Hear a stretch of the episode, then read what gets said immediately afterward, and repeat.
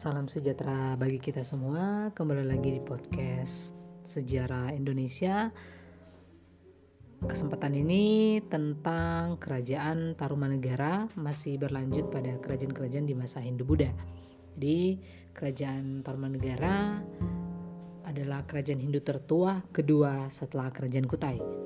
Kerajaan Tarumanegara atau Kerajaan Tarum merupakan kerajaan yang berkuasa di wilayah barat Pulau Jawa pada abad keempat hingga abad ke-7 Masehi. Kata Tarumanegara berasal dari kata tarum dan negara. Tarum yang merupakan nama sungai yang membelah Jawa Barat yang sekarang ini bernama Sungai Citarum dan kata negara yang diartikan sebagai negara atau kerajaan. Ada tujuh buah prasasti yang membuktikan bahwa pada masa yang lalu telah berdiri sebuah kerajaan Tarumanegara. Nah, melalui peninggalan dan bukti-bukti sejarah, para arkeolog dan sejarawan dapat merekonstruksi peristiwa sejarah masa lalu untuk dikaji dan dijadikan bahan pembelajaran.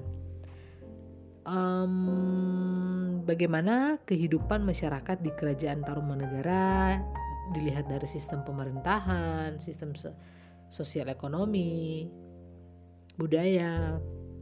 Nah, kita lanjut tentang sistem pemerintahan.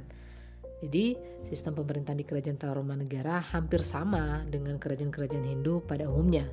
Raja mempunyai kedudukan tertinggi yang kebijakannya menentukan urusan ekonomi maupun politik. Berdasarkan tulisan-tulisan yang terdapat pada prasasti, diketahui bahwa Raja Purnama, Purnawarman adalah raja besar yang telah berhasil meningkatkan kehidupan rakyatnya. Hal ini dibuktikan dari prasasti Tugu dan beberapa prasasti lainnya yang menyatakan bahwa Raja Purnawarman adalah raja besar yang dinyatakan cukup berhasil dalam kepemimpinannya Prasasti Tugu menyatakan bahwa Raja Purnawarman telah membangun sebuah sungai untuk irigasi dan pencegahan banjir. Hal ini mencerminkan bahwa Raja Kerajaan Tarumanegara sangat memperhatikan kesejahteraan rakyatnya.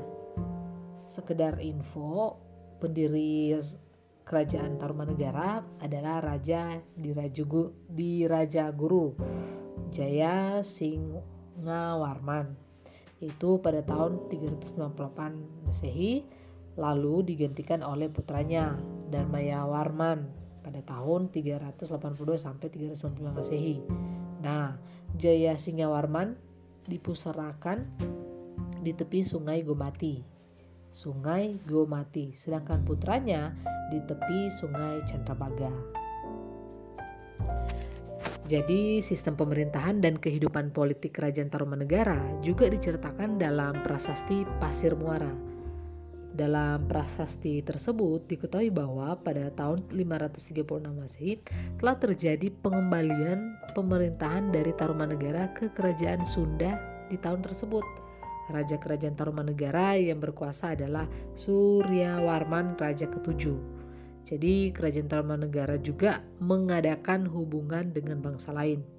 Berdasarkan berita Cina, kerajaan Tarumanegara beberapa kali mengirim utusan ke negeri Cina pada masa dinasti Sui dan dinasti Tang. Ini menunjukkan bahwa kerajaan Tarumanegara menjalin hubungan baik dengan kekaisaran Cina. Sekedar info juga, berita dari luar negeri tentang kerajaan Tarumanegara datang dari seorang pendeta Buddha asal Tiongkok bernama Fahin. Dalam catatannya, Fahin menyebutkan adalah kerajaan Tolomo di Jawa sebelah barat. Tolomo adalah ucapan lidah orang Tiongkok bagi kata Taruma. Hmm. Lalu bagaimana dengan sistem perekonomian kerajaan Tarumanegara? Hmm, kehidupan ekonomi masyarakat Tarumanegara tak lepas dari letak geografis dan kondisi alam wilayah kerajaan tersebut. Kerajaan Tarumanegara diapit oleh beberapa sungai besar, di antaranya Sungai Citarum, Sungai Chandrabaga, Sungai Ciliwung, dan Sungai Cisadane. Selain itu, wilayah kerajaan Tarumanegara juga membentang sampai Laut Jawa. Berdasarkan letak geografis wilayah dan sumber-sumber dari prasasti, dapat disimpulkan bahwa kehidupan masyarakat Tarumanegara bertumpu pada pertanian dan perdagangan. Begitu pula berdasarkan berita dari Fahin, awal abad kelima diketahui bahwa mata pencarian penduduk Tarumanegara adalah pertanian, peternakan, perburuan, binatang, dan perdagangan jula badak, kulit penyu, serta perak. Kita lanjut pada kehidupan sosial budayanya. Kehidupan sosial budaya di Kerajaan Tarumanegara dipengaruhi oleh agama Hindu. Jadi pengaruh itu dikenalnya sistem dewa-dewi, mitologi, bahasa, dan sastra, serta upacara-upacara keagamaan. Salah satu bukti pengaruh ini bisa ditemukan pada isi prasasti kebun kopi. Dalam prasasti ini terdapat dua tapak kaki gajah Airawata terpahat dengan jelas. Gajah Airawata sendiri dalam mitologi Hindu dikenal sebagai gajah tunggangan Dewa Indra. Nama gajah ini dalam prasasti tersebut juga telah dijadikan sebagai nama gajah perang milik Raja Purnawarman. Berdasarkan sumber yang ada, diperkirakan masyarakat Tarumanegara terdiri atas golongan istana dan masyarakat biasa, termasuk ke dalam golongan istana yaitu para Brahmana, raja dan keluarganya, para ksatria prajurit, dan para pegawai kerajaan. Hmm, ada pun yang termasuk ke dalam golongan rakyat biasa, yaitu para pedagang, petani, dan peternak. Hubungan antara raja rakyat sangat harmonis. Hal ini tampak pada perhatian raja terhadap ekonomi yang masyarakatnya. Hmm, dari segi kebudayaan, Kerajaan Tarumanegara memiliki budaya yang tinggi, terbukti dengan penggalian sungai, mencegah banjir, dan saluran irigasi untuk kepentingan pertanian. Terlihat pula dari teknik dan cara penulisan huruf-huruf pada prasasti yang ditemukan menjadi bukti kebudayaan pada saat itu sudah maju. Jadi pada prasasti Tugu disebutkan bahwa Raja Purnawarman memimpin penggalian atau pembuatan saluran sungai Kopati untuk kepentingan sosial. Penggalian sungai ini merupakan pekerjaan yang berat yang melibatkan banyak orang dan membutuhkan pengorganisasian masyarakat yang baik. Tanpa semua itu mustahil dapat dikerjakan dengan baik. Hal ini merupakan bukti bahwa kehidupan sosial di Tarumanegara relatif tertib dan aman, sehingga masyarakat dapat bergotong royong mengerjakan perintah raja. Itu lalu bagaimana pengaruh keberadaan kerajaan Tarumanegara? Keberadaan kerajaan Tarumanegara pada masa lampau masih berdampak pada kehidupan masyarakat saat ini nanti saya bagikan infokan artikel ya. Artikel pilihan dengan judul wisata sejarah situs kampung muara bukti kejayaan Tarumanegara Bogor bisnisjabar.com di pinggiran kota Bogor terdapat kawasan yang ditetapkan sebagai situs cagar budaya sesuai Undang-Undang Nomor 11 Tahun 2010 Situs cagar budaya bernama Kampung Muara ini terletak di Desa Ciaroteun, Hilir, Kecamatan Cipung Pulang, Kabupaten Bogor, Jawa Barat. Layaknya Tanjung situs cagar budaya ini diapit oleh aliran-aliran sungai Cisadane dari sebelah utara dan timur, serta anak sungai Cianten di barat dan Ciaruten di selatan.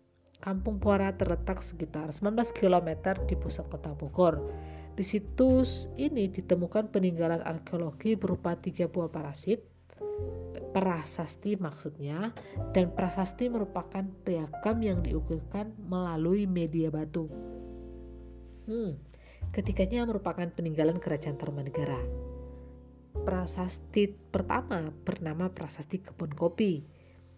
Jadi arkeolog senior Hasan Jafar menuturkan prasasti ini ditemukan sekitar awal tahun 1860 ketika diadakan pembukaan hutan pasir muara guna perluasan lahan perkebunan kopi. Sejak saat itu, prasasti tersebut dikenal sebagai prasasti kebun kopi. Lalu bagaimana tanggapan Anda setelah mendengarkan podcast ini, artikel ini hingga saat ini? Peninggalan sejarah Kerajaan Tarumanegara menjadi potensi wisata sejarah maupun wisata budaya di wilayah Jawa Barat. Berbagai prasasti yang masih tersimpan menjadi sarana edukasi bagi pecinta sejarah. Hal ini juga menjadi daya tarik bagi wisatawan tentang sejarah maupun budaya masyarakatnya. Di sisi lain, objek wisata akan memberi sebuah pemahaman dan pengertian antara budaya melalui interaksi wisatawan dengan masyarakat lokal. Sehingga dari interaksi inilah para wisatawan dapat mengenal dan menghargai budaya masyarakat setempat dan juga memahami latar belakang kebudayaan lokal. Ya, sampai di sini untuk Kerajaan Tarumanegara.